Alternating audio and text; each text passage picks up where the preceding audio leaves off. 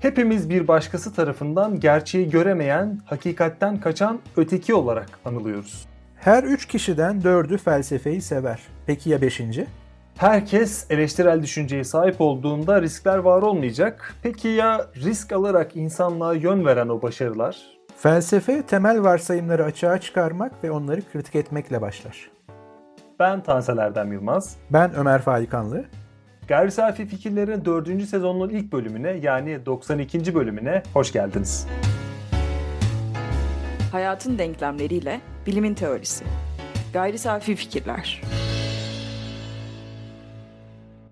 Gayri Safi Fikirlerin 4. sezonun ilk bölümüne genel toplamda 92. bölümüne hoş geldiniz. Her hafta ceplerinize, kulaklarınıza konuk olmak istiyoruz bu sezonda. Her hafta salı günü 7'de e, yayın yapıyoruz. Ancak bazı sezonlar öncesinde sizlere bildiriyoruz ve iki haftada bir rutinine dönüyoruz. Bu sezon orada dönmeyi pek istemiyoruz. E, çünkü konuşacak çok şeyimiz var, tartışacak çok şeyimiz var ve planımız her hafta bunları konuşmak ama yoğunluk şartlar ne getirir bilmiyoruz. İlginç bir dönemin içerisindeyiz. Umudumuz bu yönde. Evet, Çinlilerin bir bedduası varmış geleneksel olarak. İlginç zamanlarda yaşayasın diye Türkçeleştirebilirim. Tam da öyle dönemlere denk geldiğimiz için biz tabii ki planlarımız her hafta sizlerle beraber olmak, sesimizi ise duyurabilmek. Ama olur ki bir aksilik olur, en kötü ihtimal iki haftada bir yine buradayız deriz. Ama en azından bugün ve siz bunu dinlerken 7 gün sonra alarm kurun biz yine orada olacağız, olmaya çalışacağız. E, ayrıca sezon arası verdiğimiz bir anlamda tatile çıktığımız dönemde bize olan desteğiniz, yorumlarınız ve her mecrada e, katkılarınız için çok teşekkür ederiz. Bir önceki sezonun kapanışında okullarda felsefe öğretimini tartışmıştık ve tek başına bunun bir çözüm olup olamayacağı üzerine gitmiştik. Hatta bazı konularda da bir saçaklanma olmuştu. Bu noktada bizi avlayan düşüncelerden biri her şey tek bir çözüme ya da oyun sonunda o tüm laneti kıran mucizeye bağlayan inançtı. E, bu esasen hayatın her alanında karşımızda. Yani şu sınav geçsin her gün 200 sayfa kitap okuyacağım ya da şu zor iş bitsin, beni sabahlara kadar çalıştıran proje bitsin, spora başlayacağım ama hiçbir zaman o işler bitmiyor, o sınavlar bitmiyor ve o ertelenen planlar gerçekleşmiyor. Çünkü tek bir çözüm üreten, tek bir müthiş çözüm hiçbir zaman yok. Peki çocuklara felsefe öğretmeyi ve felsefenin dallanışını tartıştıktan sonra bu sezonun ilk bölümünde ne tartışacağız? Bu sezonun ilk bölümü felsefe bilgisini artık çocuklara ya da belli bir kitleye değil her yana yaymayı deneyeceğiz. Ee, aslında arkadaş sohbetlerinden ya da herhangi bir tartışma programından siz de hatırlarsınız. Siyasi konularda da özellikle çok görürüz. Bir öteki var. Yani öteki kavramıyla karşılaşıyoruz ama bu öyle pek sosyolojik bir öteki değil. Benim şu an tanımladığım bir öteki. Bu ötekinin özelliği gerçeği görememesi ve dogmalara sığınması, kendi huzuru için hakikati yok sayması Şimdi bu, burada bir noktada baktığımız zaman herkes bir diğerinin ötekisi. Ve herkes bir diğeri için hakikatten kaçan ya da onu eğip büken bir diğer kişi. Çok ilginç bir denklem. Ve şöyle bir baktığımız zaman tüm ötekileri yok etmek için elde bir formül var mı? Velev ki var diyelim ve bu herkesin felsefe öğrenmesi olsa ilk aslında yola çıkış amacımız ilk biletimizin üzerinde bu yazıyor. Biz bunu yaklaşık bundan 3 yıl önce 8. bölümümüzde, ilk sezonumuzda bizim iki ayrı ülkede kayıtlar aldığımız o e, ilginç dönemlerde 2037 yılını tahmin etmeye çalışmamızla e, bana anımsattı. Bu düşünceyi oraya eklemleyelim. Yani bu bir gelecek tasviri gibi aslında. Ve 2037 yılında velev ki herkes felsefeyi öğrenmiş olsa nasıl olur diye oraya bağlayacak olursak nereye gideceğiz göreceğiz. Ama Tüm bunlardan önce biraz daha geriye gitmek ve bu fikrin olasılık dahilinde olabileceği evrene gitmek. Çünkü şu an milyarlarca insandan bahsediyoruz. Bu evreni biraz daha küçültüp biraz daha mikrolaştırdığımız zaman ve felsefenin de köklerine gidip bir sorunun yanıtını aradığımız zaman benim aklıma antik Yunan geliyor. Ee, antik Yunan'da bilginler topluluğu ya da sofistler arasında e, ya da ondan önceki dönemde sofistler arasında bir hakikati manipüle eden öteki var mıydı acaba diye düşünüyorum. Bu soruyu sorma sebebim e, bir tarih anlatısı üzerinden gitmekten ziyade bahsettiğimiz diğerinin az bilmesi, diğerinin hakikatten kaçması probleminin modern bir problem olup olmadığı, şu sıralar e, her teze konu olan, her televizyon programına konu olan hakikat ötesinin bir parçası olup olmadığı ya da bunun bizim doğamızda olan fakat şu an tanımlayabildiğimiz bir şey olmadığı üzerine gitmek istiyoruz. Yani bu probleme modern bir sorun demek için acele mi ediyorum acaba? Ee, şimdi birkaç noktadan bana aslında pas attın. Hangisinden topu alsam diye düşünüyorum. Önce tarihsel kısımdan başlayalım. Evet, sofistler e, döneminde de böyle bir ötekinden yani hakikati, gerçeklik hakkındaki doğru olma iddiasındaki bilgiyi manipüle eden ötekiler, öteki var mıydı? Yani böyle bir konumuma var mıydı dersen cevabım hayır. Yani en sofistler için.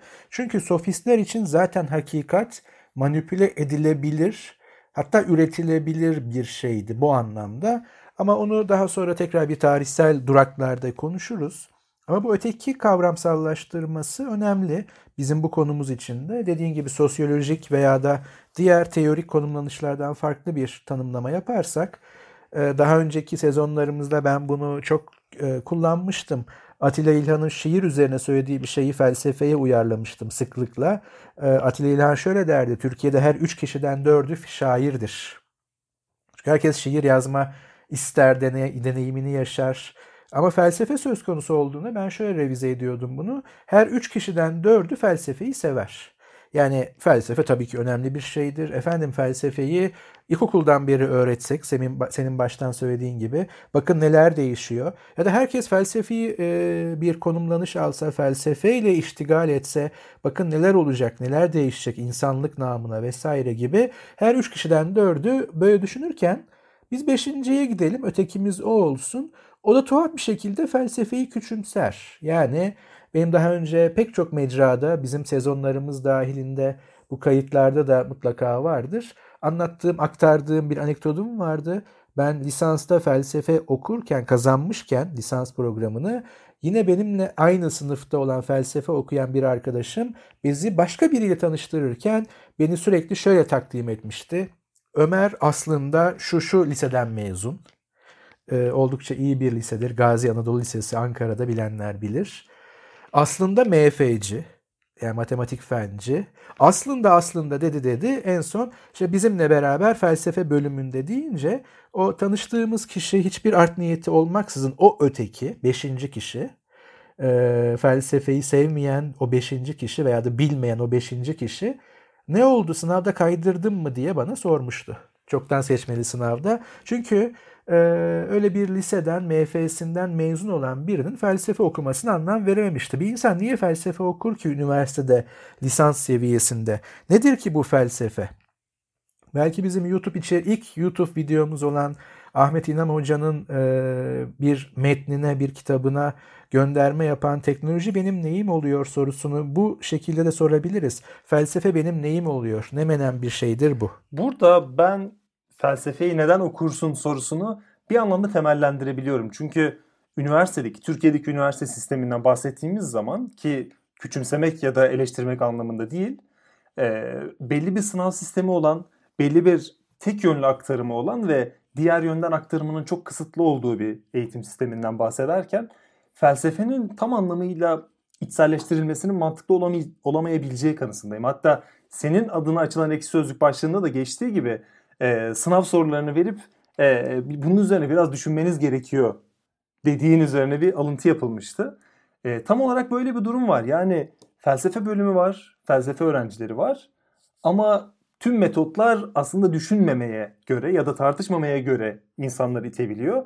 Bu açıdan düşündüğümüzde acaba felsefe üniversitede okumak mantıklı olmayabilir mi diye de biraz düşünebiliyor insan. Bu çok ciddi bir soru. Yani lisans programı olarak felsefe olmalı mı olmamalı mı? Bu e, bunun farklı e, göndergeleri de var bu tartışmanın ama bunun o eğitim boyutunu veya da üniversitedeki mevcudiyetinin belki de lisansüstü seviyede olup olmaması gerektiği ya da üniversitede bir enstitü boyutlarında başka bir araştırma pratiği veya teorisi için olup olmaması çok ciddi bir tartışma ve bu ötekinin tartışması değil. Yani bizim o beşincinin tartışması değil.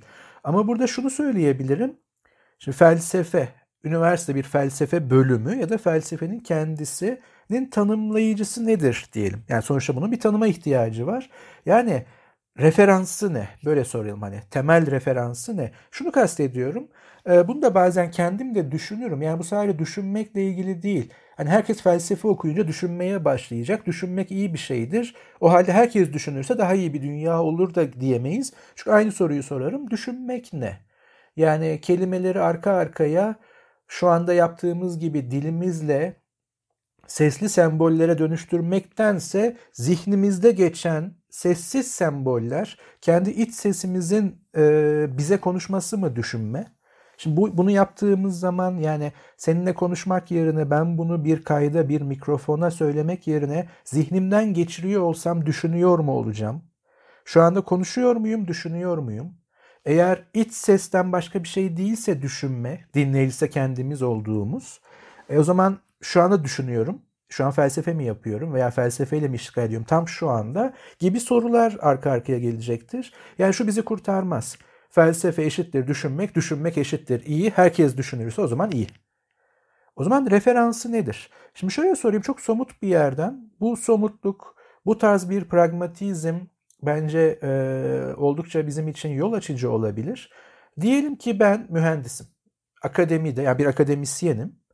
E, doçentliyim. Mühendislik bir uygulamalı bilim alanında. 10 tane öğrencim var lisans programımda. Hani sayıyı küçük tutuyorum ki hani oranlayabilelim. Bu 10 kişi mezun olduğu zaman her şey yolunda gidiyor. Yani asgari yeterliliği kazanarak mezun oluyorlar. Hani eğitim sistemi, üniversite hiç bunların tartışmasına girmiyorum. Her şey ideal ortamda. Bu 10 kişi mezun olduğu zaman ne oluyor? Sence? Ben mühendisim. Yani branş önemli değil. Makine mühendisiyim diyelim. 10 tane öğrenci mezun ettim lisanstan. Mühendis? Mühendis oluyor. Peki ne yaparlar mühendisler? Kendi alanlarında, bildikleri teknik alanlarda gidip belli şirketlerde ya da kamu kurumlarında ya da kendi özel şirketlerinde çalışırlar. Yani makine mühendisliğini baz alırsak makine tasarlarlar veya tasarlanmış makinelere inovasyon katarlar veya bu tasarımları üretime geçirirler vesaire. Bunların 8 tanesi o zaman gidip bu işi yaparken e, ideal koşullarda ben en iyi iki tanesini üniversitede tutmak isterim. En iyi iki tanesi hatta bir tanesini yani %10 %20.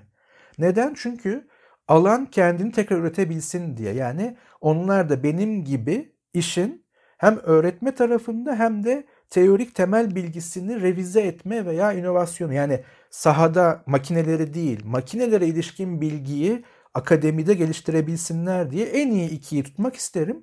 Onlar kabaca öğretmen olurlar. En üst seviye diyelim. Yani üniversitedeki öğretmen, öğretim üyeleri. Şimdi senaryoyu değiştiriyorum. Ben mimarım. Mimarlık alanında bir öğretim üyesiyim. Yine 10 öğrencim var lisansta.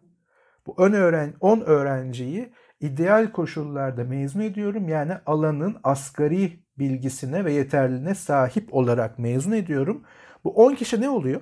Mimar. Peki ne yapacaklar? Yapı tasarlayacaklar. Ve ben yine ideal koşullarda onlardan en iyi iki tanesini veya bir tanesini yani %20 veya %10'u üniversitede mimarlık sanatı ve biliminin o kesişimdeki alanın teorisini ve pratiğini geliştirmek üzere tutmak isterim. Onlar da mimarlık öğretmenleri veya mimarlık akademisyenleri olurlar. Ama geri kalan 8'i makine mühendisiydi birinde, diğerinde mimardı. Şimdi gel felsefeye. İdeal koşullarda alanın temel bilgi ve yeterliliklerine sahip 10 tane öğrenci mezun ettim. Bunlar ne olacaklar? Filozof olacaklar. Biraz sonra veya bir sonraki programımızda konuşacağız. Felsefeci, filozof farkı var mı? Hatta biraz sonra hemen başlarız konuşmaya. Ama onlar filozof olacaklar. Ama hadi e, o varsayımı veya da ön yargıyı şimdilik tutalım. Onlar felsefeci olacaklar. Filozof olmak ne hadlerine diyelim. Tırnak içinde. Peki onlar ne yapacaklar? 8 tanesi yine aynı koşulları tekrarladığımızda yani %20'sini ben akademide tutmak istiyorum. Aynı demin diğer örneklerde olduğu gibi. Peki 8 tanesi ne yapacak? Hemen söyleyeyim. Ee, ilk akla gelen şey şu. Okul felsefesine yönelecekler. Yani orta öğrenim veya lisede veya işte e, bazı hocalarımızın veya alandan bazı kişilerin söylediği gibi ilkokula bile felsefe dersi koymak lazım. Ama felsefe grubu öğretmenliği demedim. Dikkatinizi çekiyorum. Ben bir öğretmenlik alanının akademisyeni değilim. Elbette ki mezunlarımız veya da bu diploma sahipleri öğretmenlik yapmak isteyebilirler ve bunu çok iyi yapabilirler şüphem yok. Ama onda 8 mimar mimarlık yapmak için mezun oluyor. Onda 8 makine mühendisi makine mühendisliği için mezun oluyor. Ama felsefenin dikkat edersek bu e, Türkiye koşulları, dünya koşulları meslek anlamında değil. Felsefe bir meslek değildir diyen dinleyicilerimiz olabilir. Tabii ki katılabilirim. Ama tanımlayıcı referansı ne? Onlar ne olacak? Onda ikisi üniversitede, onda sekizi okulda öğretmen olmak üzere yetiştiriliyorsa bu alan öğretmenlik alanı olmalı. Oysa bu bir ana bilim dalı, bir araştırma programı felsefe. O yüzden şöyle bir şey ben öneriyorum. Senin söylediğin gibi herkes felsefe öğrenmiş 2037 dünyası aslında bizim için çok muğlak. Çünkü felsefe nedir aslında bilmiyoruz şu anda. Yani felsefe öğrenmek ne? Bunun arkasındaki temel varsayım şu. Bunun bir bilgi olduğu sanki, bir müfredat bütünü ve herkes bunu öğrenmiş. Bunun en büyük sakıncası şu. Yani kötü örneği vereyim. Mesela şu felsefe öğrenmek mi?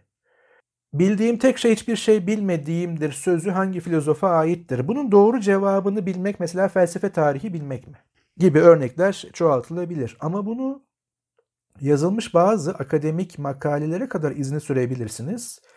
Platon'a göre, Aristoteles'e göre, Sokrates'e göre, Hegel'e göre kalıbı içerisinde kalmak. Mesela felsefe öğrenmiş olmak mı?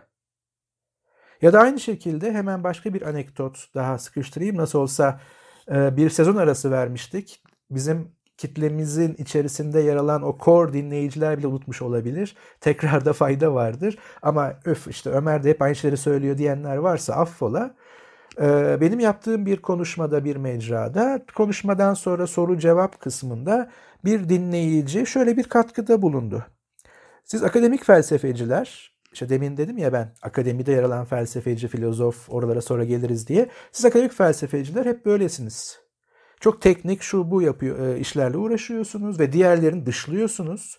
Oysa en büyük filozoflar e, Albert Camus'dur, e, Einstein'dır, Dostoyevski'dir dedi. Ben de şöyle bir cevap verdim. E, her tür eleştiriye tabii ki açığız. Ayrıca akademik felsefecileri veya filozofları temsil etmek gibi bir misyonum veya da vizyonum yok. Ama sizin yaptığınız şeye şöyle bir sıkıntı seziyorum dedim. Tabii ki burada şu an boşlukları dolduruyorum. Oradaki farklı e, gelişmişti sohbet.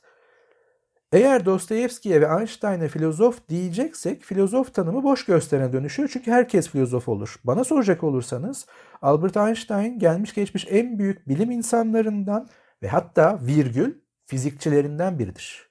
Özellemek gerekirse.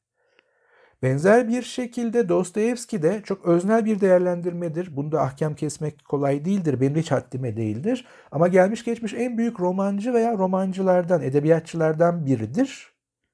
Ama filozof değildir. Bazı felsefi konulara temas etmiş olabilir. Özellikle Dostoyevski edebiyatı kullanarak ama bu onu filozof veya felsefeci yapmaz. Benzer bir şekilde Einstein'ın da fizikçiliğinin veya bilim insanlığının ötesine geçmez. Bazı sözlerinde ontolojik, e, normatif yani e, aksiyolojik veya epistemolojik önermeler olsa bile. Şimdi bizim önce terimleri ayrıştırmamız gerekir. Çünkü bizim mottolarımızdan biridir. Hatırlayacağın ve hatırlayacakları üzere dinleyicilerimizin gerçeklikteki her fark kavramsal veya terimsel bir farklılaşmayı gerektirir. Eğer her şey felsefe ise arada bir fark yok demektir. O zaman ciddi bir sorunumuz var çünkü felsefe hiçbir şeye dönüşür. Bir şey her şeyse hiçbir şeydir çünkü tanımlanamaz. Şimdi demin geldiğimiz veya çıktığımız yere hemen bir geri dönelim. O halde felsefenin tanımlayıcı referansı veya da tanımı nedir? Yani hangi tanımdan hareket edeceğiz? Bu hipotetik de olabilir. Ahkam kesme, racon kesme değil. Yani felsefe budur deyip e, başka her şeye kapatmak değil. Ama elimizde bir tanım olsun ki diğer tanımlarla kıyaslayabilelim. Ki ipucunu verdim. Tek bir tanım yok. Ama benim önereceğim bugün için ve bundan sonraki bu sezonun felsefe izleyinde diyelim. Şöyle bir varsayımsal tanım koyalım. Felsefe aslında özünde böyle bir öz varsa e, temel varsayımları herhangi bir şeye ilişkin kavramsal bir şeydir genelde bu. Mesela felsefe nedir, bilim nedir, bilgi nedir gibi sorularda temel varsayımları açığa çıkarmak ve onu kritik etmektir. Ve bir adım ötesinde yapabiliyorsa bunu gerçeklikle kıyaslamaktır ama her seferinde yapamaz. Ama her seferini kritik edebilir. Şimdi eleştirmektir demek istemiyorum. Çünkü eleştiri kelimesi de sözcüğü de böyle tuhaf bir şekilde olumsuz yüklerle bizim dilimizde hala tedavülde. Yani eleştirmek illaki böyle bir onun hakkında katılmadığın şeyleri söylemek vesaire. Hayır bu kritik etmek. Yani artısını eksisini. Gerçekliğe uyan, uymayan, tutarlı olan, olmayanları açığa çıkarmak. O zaman bizim hipotetik tanımımız şu olsun. Felsefe temel herhangi bir şey üzerine temel varsayımları, en temel varsayımları açığa çıkarmak, görünür kılmak ve onları kritik etmek üzerine kurulu en azından bizim konumumuz için. Ama felsefe şöyle bir şey daha yapabiliyor. Diğer araştırma programlarını yapamadığı bir şeyi kendi yani felsefe nedir sorusunun kendisini bile ele alabiliyor. Yani felsefe kendisini yapılandıran temel varsayımları da açığa çıkarıp görünür kılıp kritik edebilme refleksivitesine yani dönüşümselliğine de sahip. Yani bir meta analiz, meta kritik programı diyelim. Şimdi bunun üzerinden de ben şöyle bir şey belirlemiştim bir ön hazırlık yaparken. Ee, Yaman Örs hocanın e, artık bu dünyada değil hani rahmetle anıyoruz. Ee, bir yazısından birkaç varsayım çıkardım onun tespitleri üzerinden. Mesela ilk insana söyleyeyim çok tanıdık gelecektir. İşte bu felsefe nedir sorusu. Benim o onda 8, onda 2 felsefeci ne iş yapar, mezunlarımız ne iş yapacak, ben ne iş yapıyorum sorusu ilişkili olarak birinci varsayım insanların zihnindeki şu.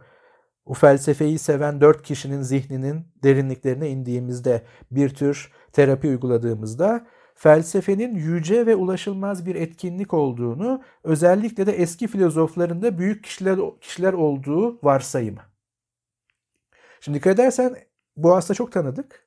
Çünkü sürekli bir işte Platon'a göre, Aristoteles'e göre son filozof Nietzsche, işte son filozof Hegel, son filozof hep son filozof işte geçti o çağ veya da işte Yunan mucizesi ya bunun tarihsel gönderimini yapmıyorum elbette. Antik Yunan, Antik Grek'ten bahsediyoruz ama şey Antik Yunan felsefesi veya belki de Heidegger'in dediği gibi bu bir felsefi tezdir aynı zamanda. Felsefe ancak iki dilde yapılabilir. Antik Yunanca ve Almanca denilebilir.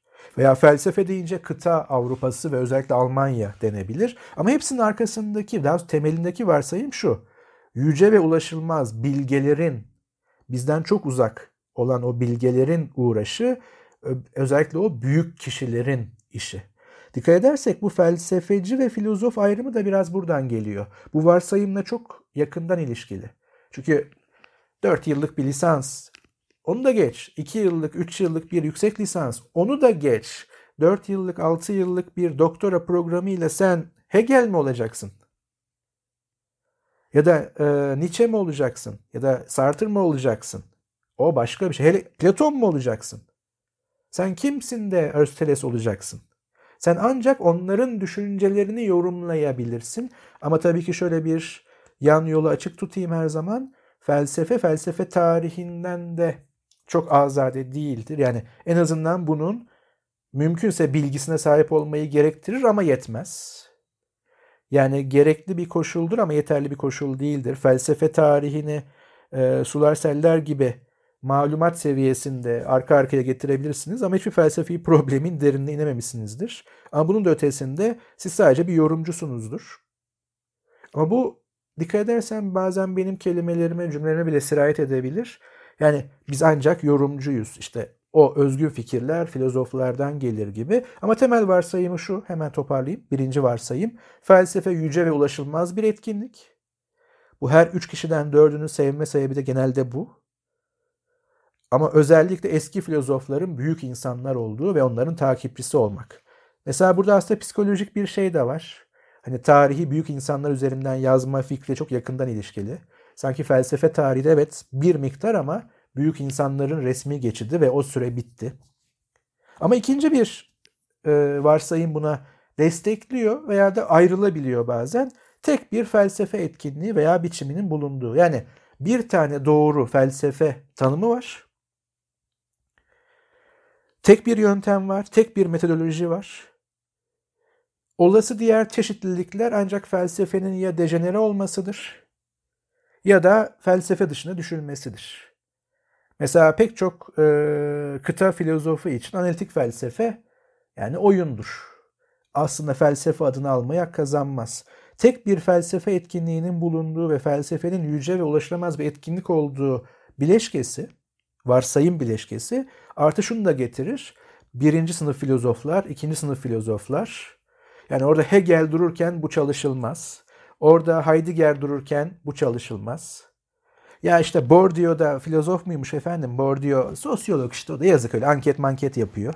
Ama filozof dediğin böyle işte sonunu doldurun gibi varsayımlar. Bir üçüncü varsayım e, felsefenin sınırsız bir etkinlik veya bir alan olduğu. Yani biz bunu daha önce söylemiştik sanırım sen de oradan bir pas alacaksın. X felsefesi yaz, X istediğin gibi doldur. Çünkü felsefe sınırsızdır. Her şey üzerine düşünebilir, her şeyi kapsar. Bu da üçüncü bir, ilk ikisiyle entegre olabileceği gibi ayrı bir varsayım. Ama mesela bu varsayımı koyduğun zaman da yani felsefe öyle bir şey ki sınırı yok. O yüzden herkes felsefe bilse sanki e, alimi mutlak olacak. Yani ben buradaki sınırlılığı, sınırlı olmama halini biraz daha pozitif yönden alıyorum. Yani bizi ileriye götürebilecek ve sınırlarına hiçbir zaman ulaşamayacağımız bir bilgi yahut e, düşünceler yığını olarak görmek istiyorum.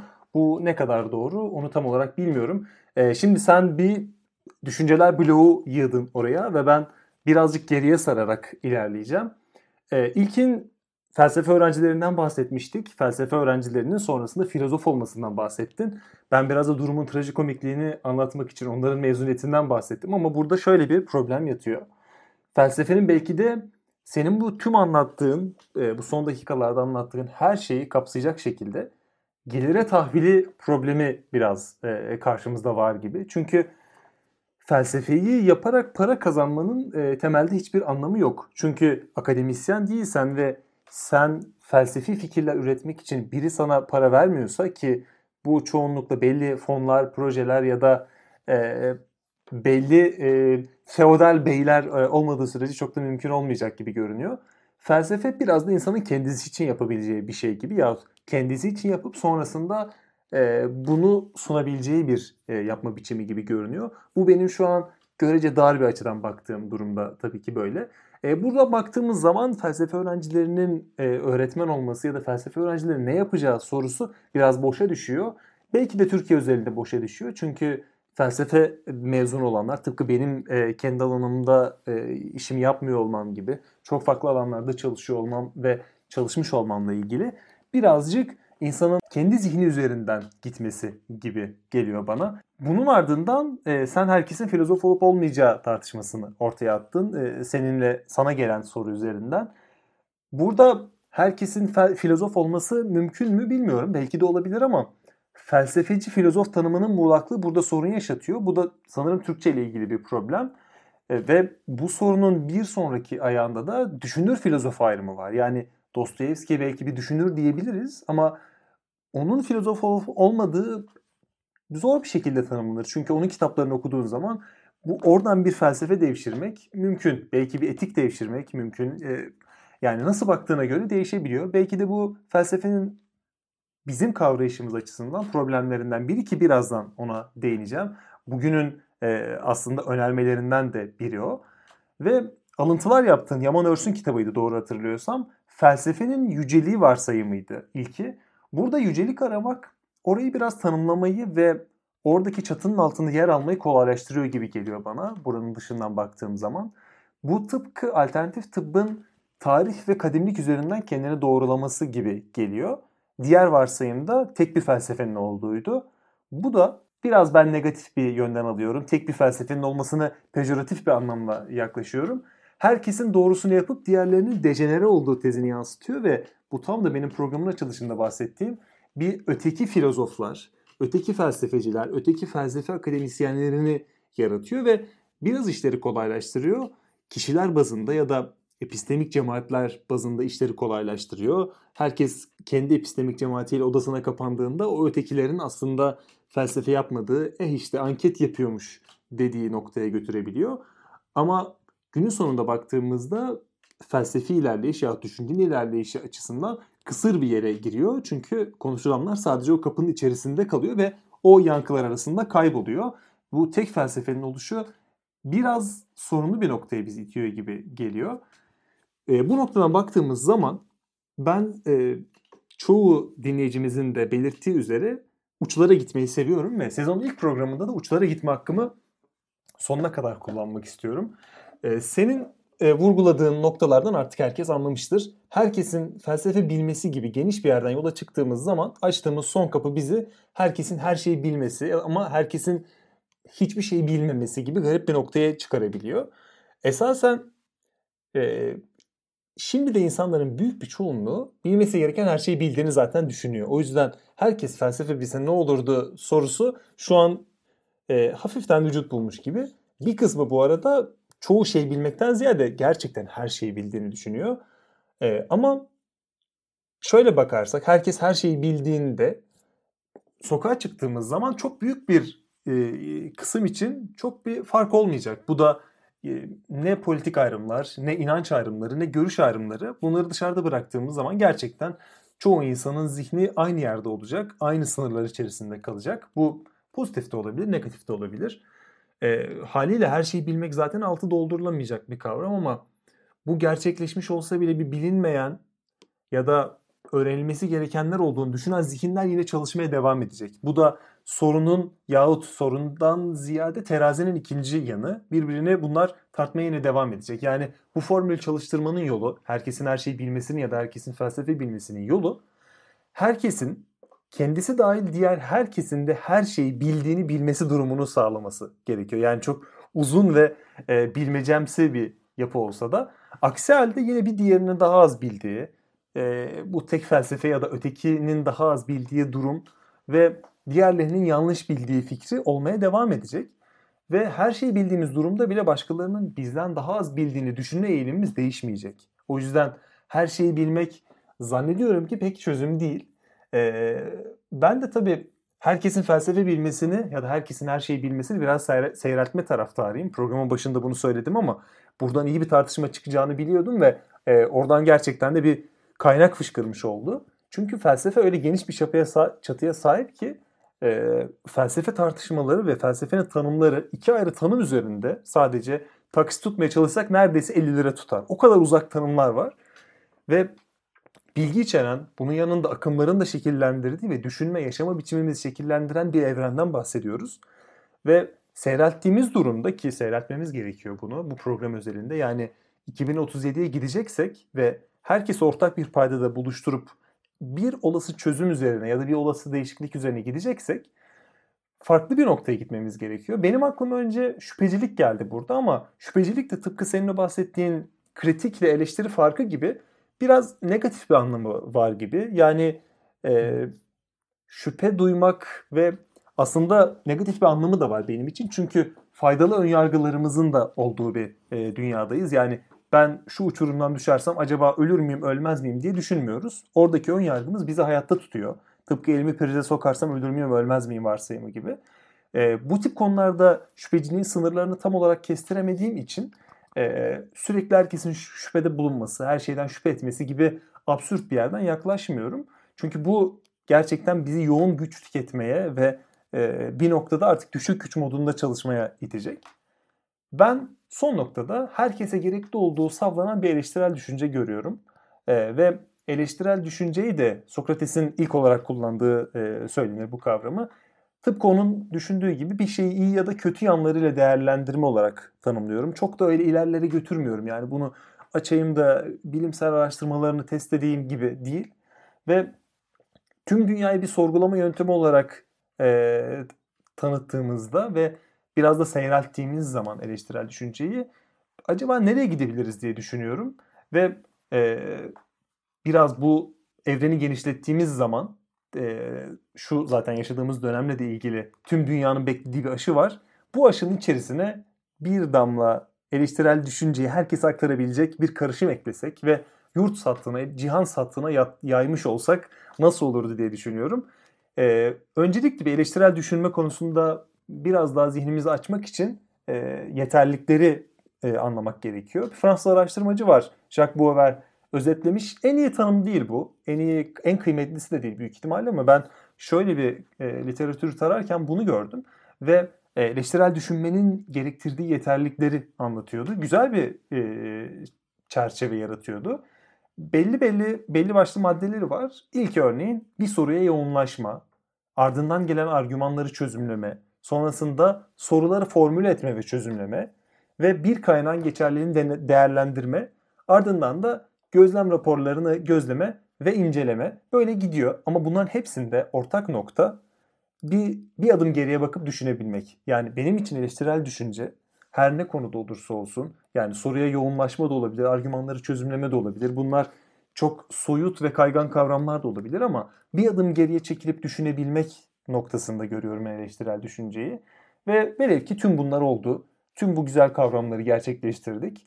Ve eleştirel düşünce herkesin zihninde o bizi zor durumlara sokan klasörlerin içinde çalışmak için hazırda bekliyor diyelim. Her düşünceyi denetleyip her varsayımı, her inancı işliyoruz eleştirel düşünceyle.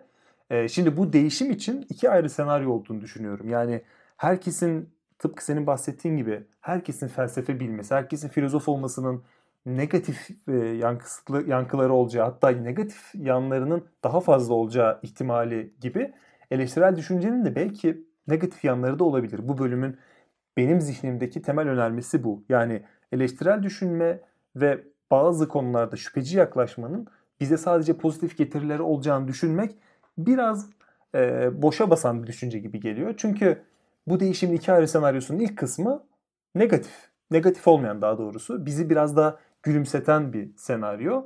Ee, iyi olasılıklardan biri artık eleştirel düşünce tüm dünyaya yayıldığı zaman hislerle hareket etmeyeceğiz. Ve e, tabiri caizse aptalca fikirler var olmayacak. Ama bu olasılığın uzantısı olarak benim aklıma şu geliyor. Bizi çoğu zaman aptalca fikirler bir yerlere getiriyor. Sen Steve Jobs örneğini çok sık verirsin ve e, dünya tarihi de bunlarla doludur. Elon Musk da bunun bir örneğidir. Ve yani o her neredeyse biraz şarlatan olarak görülse de tarihte büyük başarılar çoğunlukla aptalca olarak görülen fikirlerden filizlenmeye başlar ama o aptalca fikirlerin daha iyi temellendirilmesiyle sonuca ulaşır. Ee, ve artık bizi risk alma becerimizden de bu uzaklaştırabilir e, hislerle hareket edişimiz. Çünkü kararlarımızı hisler ya da beklentiler üzerinden değil de gerçekçi olarak almaya başlıyoruz ve evrende bir anlamda tutkuların olmamasından bahsediyoruz. Bu tutku his blokesinin bir olumlu bir olumsuz etkisi daha var. Ee, aslında bir olumlu bir olumsuz etkisi var ama bir de olumlusu var. Suçlar azalabilir. Bu e, artık tasarılar arasında. Yani herkes mantıklı ve güvenli kararlar veriyor. E, kimse hata yapmıyor. Kimse kanunu çiğnemiyor. Bunun bir sonraki aşamasında da politikaya yer kalmıyor. Bu herhalde benim en çok e, istediğim şeylerden biri. Çünkü herkesin sağlıklı düşünsel tartılara sahip olduğu bu durumda vaatlerin bir anlamı yok. Çünkü herkes hangilerinin gerçekleştirilebilir, hangilerinin palavra olduğunu çok kolay anlayacak. Tıpkı bu Ziya'nın söylediği gibi çakıyı alıp aslanın peşinden koştuğu zaman herkes Ziya diye bağıracak. Ve muhtemelen seçimler olduğu zaman e, adaylar meydanlarda el sıkışacak. Buyurun e, bu dönemde de siz başkan olduk diyerek ötekine yer verecek. İkinci senaryo insan insan yapan özelliklerin eleştirel düşünceden taşmasıyla ortaya çıkıyor ve bana bu daha olası geliyor ve biraz da görece negatif bir senaryo. E, spoiler vermekten çekinmiyorum. Çok büyük bir değişmeyle karşılaşmayacağız. Yani olan her şey çok büyük değişiklikler yaşamadan aynı yerinde kalacak. Bu bizi mutlu edecek mi? Biraz bakalım. Ben çünkü bundan tam emin değilim ve senin görüşlerini merak ediyorum. Benim e, düşünceme göre eleştirel düşünce ve bu biraz yaygın da bir düşünce olabilir. Alet çantamızdaki bir araçtan ibaret ve çoğunlukla bu aracı kullanırken seçiciyiz. Kim olursak olalım. Yani bizi doğrulayan, bizi huzurlu hissettiren, bu huzur da tabii ki e, içsel bir manevi huzur değil de mental olarak bizi doğru yola çıkaracağını düşündüğümüz fikirlerde eleştirel düşünce butonunu kapatıyoruz. Ama eleştirdiğimiz, acaba dediğimiz ya da e, ad hominem olabilir hoşlanmadığımız bir insanın söylediği şeylerde hemen eleştirelliğimizi ortaya çıkarıyoruz. Bu noktada yani doğrular ve yanlışlarımız gömülü dururken tam anlamıyla ve biz alet çantamızı kendimiz ihtiyaç hissetmeden kullanmıyorsak herkes eleştirel düşünce olması neyi değiştirecek? Yani bu herkesin kitap okuma oranlarından şikayet etmesi ama hepimizin cebinde bir dev ekranlı mobil telefon olması sürekli ona bakmamız Ama telefonumuzdan hiç kitap okumamamız gibi bir şey. Yani insanlar telefondan kitap okumayabilir. Çok anlamlı olmayabilir ama o şikayet ettiğimiz şey karşımızda. Bunu üretebileceğimiz çok basit bir çözüm var ama üretmiyoruz. Büyük ihtimalle üretmeyeceğiz. Anlamsız bir örnek gibi görülebilir ama o iki uç bağlantıyı sağlaması açısından e, bana faydalı oluyor. Bu noktada artık biraz çıkmaz bir sokağa düşmüş gibi hissediyorum. Yani yine e, birden çok pas attın hangisinden alayım diye düşünüyorum ama sonlardan alıp böyle bir e, zikzaklar çizmeye çalışayım. Şimdi son dediğinden hemen şunu söyleyeyim. E, öyle bir türe mensubuz ki aslında biz yalanlarla yaşayabiliyoruz. Yani şu anlama geliyor aslında hepimizin inandığı, hepimizin doğru olarak kabul ettiği yanlışlar ve yalanlar bizim aramızdaki etkileşimimizi, etkileşimi maksimize ederek yardımlaşmamızı ve organize olmamızı kısa ve orta vadede güçlendirebilir. Bu da yine bizi kısa ve orta vadede durumun vahametine ve o yalanın hayatiyetine göre değişecek şekilde hayat tutabilir. Yani o kadar işbirliğine gireriz ki bir yalana inanarak bu bizi avantajlı hale getirir diğer e, hem cinslerimize, türdeşlerimize göre. Ama yalanın şöyle kötü bir huyu var veya yanlışın yani gerçekliğe uymamanın uzun vadede ölümümüze sebep olacaktır. O yüzden e, felsefenin işi biraz da doğru ve yanlışla. Temel varsayımları açığa çıkarmak ve kritik etmek, kritik etmek derken belki de en vurucu kısmı işin epistemolojik boyutu. Çünkü doğru ve yanlışa dair temel varsayımlarımızı da görünür kılıyor. Ki doğruluk dediğimizde aslında biz hakikati kastediyoruz. Yani eş anlamlı kullanıyoruz. Dolayısıyla post-truth çağında felsefeye bu anlamda her zamankinden çok ihtiyaç var. Senin terminolojine bunu e, çevirirsem eleştirel düşünmenin veya işte kritik etmenin bir araç olması çok doğru bir tespit. Onu fetişleştirirsek yani eleştirel düşünme, kritik etme ve bu bağlamda felsefenin kendisini işte o yüce etkinlik haline getirerek fetişleştirirsek bir başka temel varsayımı daha e, işler kılmış oluyoruz. O da nedir? Yine Yaman Örsten ödünç alıyorum. Felsefenin neredeyse tüm sorunlarımızı çözebilecek bir gücünün bulunduğu. Aslında dikkat edin baştan beri biz birbiriyle ilişkili varsayımlar arasında gidip geliyoruz. Yani ilkokuldan itibaren felsefe derslerini koysak veya da işte felsefe öğretsek bakın dünya nasıl değişiyor. Çünkü felsefe tüm sorunlarını çözebilecek çok temel bir şey varsayımı onun yüce bir etkinlik olduğu, bir sınırının olmadığı, sınırsız olduğu varsayımlarıyla uyumlu. Ama işte temel kritik, et, kritik etmek şu, sadece iç tutarlılığı değil. Yani yalanlar çok tutarlı olabilir. Ama e, uyuşmadığı bir şey vardır, gerçeklik. O yüzden sadece tutarlılık yeterli değil. Bir adım ötesinde gerçekten böyle mi sorusu sorulabilir. Bunun nihai bir cevabı da olmayabilir. Bu tür bu bir tür e, scientism veya bilimciliğe gitme, giden bir felsefe konumlaması da değil elbette. Yani orada bir doğru cevap var ve o bulunacak ve o bilim bulacak ve yani felsefe değil bilim bu iş çözecek değil. Ama felsefenin şöyle bir yükümlülüğü var.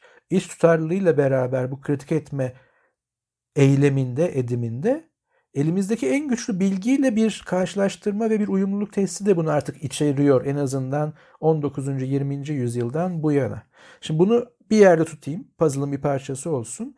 İkincisi günümüz ötekisi aslında her şeyi biliyorum demiyor. Sen çalıştığın alan üzerinden bununla çok sık karşılaşıyorsun. Pek çok palavranın palavra olduğunu kanıtlamaya uğraşan bir etkinlik içerisindesin ekiple beraber. Ama aslında günümüz insanı şöyle, post-truth'un insanı, e, hakikat ötesinin insanı. Gereken her şeyi biliyorum, bilmediklerim zaten gerekli olmayanlar. O yüzden onları ikna etmek, kanıtlarla ikna etmek çok zor hatta belki imkansız. Çünkü inandıkları ortak yalan onların etkileşimini maksimize edebiliyor. Veya psikolojik tatminlerini maksimize edebiliyor. Bu işin başka bir boyutu e, tekrar konuşuruz. Ama bu beşinci olan öteki günümüzde felsefeyi o sevmeyen veya da başka varsayımlarla başka bir felsefe kuran aslında cahilin konumu. Ama bu cahil bilgi eksikliği, cahilliği değil. Çünkü tanımı böyle koyarsak cahillik nedir diye sorduğumuzda hepimiz bir şeylerin cahiliyiz. Yani ben kimyanın cahiliyim büyük oranda. Veya biyolojinin veya pek çok şeyin. Yani o alanlarda bilgim yok. Dolayısıyla cahilim. O alanların cahiliyim. Hatta günümüzde insanlar çok az alanın bilgisine sahip. bu kadar bilgi ekonomisinin güçlendiği bir dönemde aslında çok az yani az alanda derinlikli bilgiye sahip olarak piyasaya çıkıyoruz geniş anlamıyla. Pek çok şeyin cahiliyiz ama bunu farkında değiliz. İşte esas tehlikeli öteki bu. Bir konumlanış olarak cahil veya cehalet. Yani gereken her şeyi biliyorum, bilmediklerim zaten gerekli değil. Onlar teferruat. Şimdi bunu koyduğu zaman zaten o kritik düşünce otomatikman ortadan kalkıyor. Bunu hemen şuna bağlayayım. Sen şöyle bir şey söyledin. Bazı ön yargılar da aslında bizi hayatta tutuyor veya da işte atlamıyorum e, balkonun aşağı. Çünkü bir ön yargım var öleceğime dair. Şimdi o aslında ön yargı varsayım tabii terimler değişebilir. Ama şunda seninle hemfikirim. Bazı ön yargılarımız veya varsayımlarımız doğru. Bazı ön yargılarımız veya varsayımlarımız doğru değil. Mesele bunları nasıl ayırt edeceğiz? Yoksa hiçbir ön yargı ortada kalmasın değil. Felsefe o yüzden temel varsayımları ortadan kaldırmak değil, bunları kritik etmek. Çünkü bu varsayımlar üzerine kuruyoruz. Bilimde dahi. İşte orada hipotez diyoruz. Hipotetik konumlanma diyoruz ve buradan yola çıkıyoruz. Ama bu hipotezleri sürekli bilimde gerçeklikle karşılaştırıyoruz. Şimdi bizim diğer alanlarda özellikle normatif alanlarda yani ne olmalı değerler sistemi alanındaki varsayımlarımızı biz neyle kıyaslayacağız? Ama bu aslında üçüncü temel felsefenin tanımlayıcı referansıyla ilişkili felsefenin sınırsız bir etkinlik olduğu. Oysa bizim bir diğer mottomuzu da hatırlatmış olayım. Bilginiz olmadan fikriniz olmasın demiştik daha önce. Elbette ki fikirler bilmenin de yolunu açarlar. Fakat bilgi ile ilişkileri olmadan fikirler kıyaslanamaz ya da karşılaştırılamazlar. O zaman da cehalet bir başka fikirmiş gibi görünür. Şimdi sen felsefeyi sınırsız bir etkinlik, neredeyse her şeyi kapsayabilecek bir etkinlik veya düşünme biçimi veya bir alan olarak tasarlarsan, böyle varsayarsan, onun alan içerisinde ürettiğin anlamlı anlamsız ki bu kriter bile anlamını yitirecektir. Her şey felsefe olursa, e o zaman cehalet mi fikir mi? Doğru mu, yanlış mı? Ortada bir kriter kalmaz. Kriterin olmadığı yerden ben korkarım. Her anlamda. Ve e, yine senin söylediğin bir şeyle bağlayayım. Artık haftaya bırakalım bazı şeyleri. Mesela senin birinci senaryonda e, politikaya yer kalmıyor. Çünkü kimse kanunu çiğnemiyor. Ama felsefeye, benim tanımladığım tarzdaki felsefeye hala yer var. Burada şu yanlış anlaşılmasın. Şu varsayıma ben de düşmüyorum burada. Yani işte benim bu tanımım tek felsefe değil. Ama bu tanım orada şöyle işler. Biraz pragmatik bir tanım. Kimsenin kanunu çiğnemediği bir dünyada bile sorulacak bir soru vardır. O kanunların dayandığı temel varsayımlar doğru mu yanlış mı? Çünkü kanunları çiğnemeyecek bir e, jenerasyon ve onlarından doğacak diğer jenerasyonları yaratma fikri Platon'dan beri var. Yani felsefeye içkin bir konu, felsefeye dahil bir konu. Ama kanunların kendisini kim değerlendirecek? Ya kanunlar doğru değilse? En geniş anlamıyla. Yani insan doğasına uygun değilse altına bir soru daha. İnsan doğasına ilişkin temel varsayımlarımız ne ve bunlar doğru mu yanlış mı? En azından kritik etmeyi de e, değer bir konu. Ama işte felsefede galiba biraz böyle bir şey. Felsefe nedir sorusunda ben hep artık şunu söylüyorum. Sadece bu soru için değil, bizim bütün podcastlerimiz için belki de bize gelen en sağlam eleştirilerden biri. Lütfen bu konuda da yorumlarınızı bizden esirgemeyin her mecrada. Ya tamam 40 dakika konuşuyorsunuz da sonuç. Şimdi birinci vereceğim cevap şu. Aslında demin senin de laf arasında geçirdiğim bir şey. O aşının içine bir doz bir şey koysak. Ya hep böyle bir ilaç arayışı. Ya tamam işte 40 dakika konuştun da bunun özeti, önermesi ne? Şimdi eleştirinin çok haklı olduğu kısım şu. Bazen bu karşılıklı sohbet sırasında savruluyoruz ve kendi sorduğumuz soruya bir cevap bulamıyoruz. Belki de cevabı yok o anda. Belki biz bulamıyoruz. Yani bu da ihtimaller dahilinde. Ama doğru yani en azından bir önerme çıkarmalıyız diye ben seninle hep söylüyorum. Bu kayıtlar öncesinde, kayıtlar sonrasında önermemiz olsun, önermemiz olsun diyorum. En azından akılda kalsın bir şeyler. Ama bu işte her zaman mümkün değil. Felsefe nedir sorusunun da öyle bir hap bilgisi ya da aşının içerisine, serumun içerisine konacak hap bilgisi yok. Felsefe nedir diyorsanız gücümüz, aklımız, bu saatte enerjimiz yettiğince işte bu 40 dakikayı dinleyin. Yaptığımız şey aşağı yukarı felsefe. Aşağı yukarı. Daha iyisini siz yapın. Ve benim de bir önermem var burada. Umuyorum bu arada dinleyenlerimiz bizden daha iyi e, konuya yaklaşırlar ve bize de tabii bunları ulaştırabilirler. Bu bölümün benim için iki ayrı önermesi var. İlki birilerinin ya da herkesin bir şey bilmesi ya da bir şeye uygulaması genel toplamda onu değiştirmiyor. Bir sistemsel dönüşüm ihtiyacı var ve tek bir değişkene herhangi bir çözümü bağlamak klasik politikacı yaklaşımı ve bizi hiçbir yere götürmediği, dünyayı hiçbir yere götürmediği e, aşağı yukarı birkaç yüzyıldır anlaşılmış olmalı. İkincisi eleştirel düşünce ya da felsefe dediğimiz bunun dışında daha da e, yüce görülen e, alıntı yaptığın kitapta da olduğu gibi her görüş e, biraz daha tartışmaya açılmalı ve onların bir düşünce biçimi mi, bir hayat biçimi mi yoksa bir alet çantasındaki bir parça mı olup olmadığı tartışılmalı. Bu eleştirel düşüncede bir alet çantasındaki bir parça ve herkesin eleştirel düşünmesi, herkesin şüphe etmesi, herkesin X'i okuması, Y'yi okuması temelde hiçbir şey değiştirmeyebilir. Biz çoğu şeyi zaten algılıyoruz fakat algı kapılarımızdan girdikten sonra sen biraz şöyle otur diyerek onu dinlenme salonunda yıllarca bekletebiliyoruz. O yüzden eleştirel düşünceyi bilmekten ziyade temel e, mevzu onu kullanabilmek. Bu arada upuzun bir bölümle ilk sezona başladık. Neredeyse 52 dakika oldu. E, biz bunu geçtiğimiz yıllarda olsa iki bölüm olarak dinleyicilerimize verirdik ama bu sezonda yapmayacağız. Çünkü sezonun ilk bölümü bu.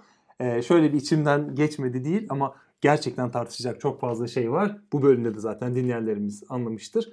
Bizi Spotify'da ve artık Google Podcast'te Twitter'da gayri safi fikirler adıyla takip edebilirsiniz. Hemen her mecrada varız ve hemen her mecrada dinlenmeniz için, dinlemeniz için ve yorumlamanız için bekliyoruz.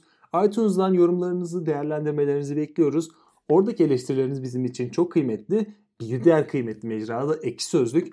Oradaki yorumları heyecanla okuyoruz, heyecanla aramızda paylaşıyoruz ve gerçekten kıymetli eleştirileri de dikkate alıyoruz. Kıymetsiz olanları da alıyoruz ama şimdilik kıymetsiz denk gelmediği için kıymetli diyorum. Nezaket olsun diye değil. Bizi yorumlamanızı, övmenizi ya da eleştirmenizi bekliyoruz. Ve bizim için bir anlamda en önemlisi merak ettiğiniz ve kafanızı kurcalayan bilim felsefesi sorularınız için gayri safi gmail.com üzerinden bizlere ulaşmanızı dört gözle bekliyoruz. Bir sonraki bölümde görüşmek üzere. Görüşmek üzere. Hayatın denklemleriyle bilimin teorisi. Gayri safi fikirler.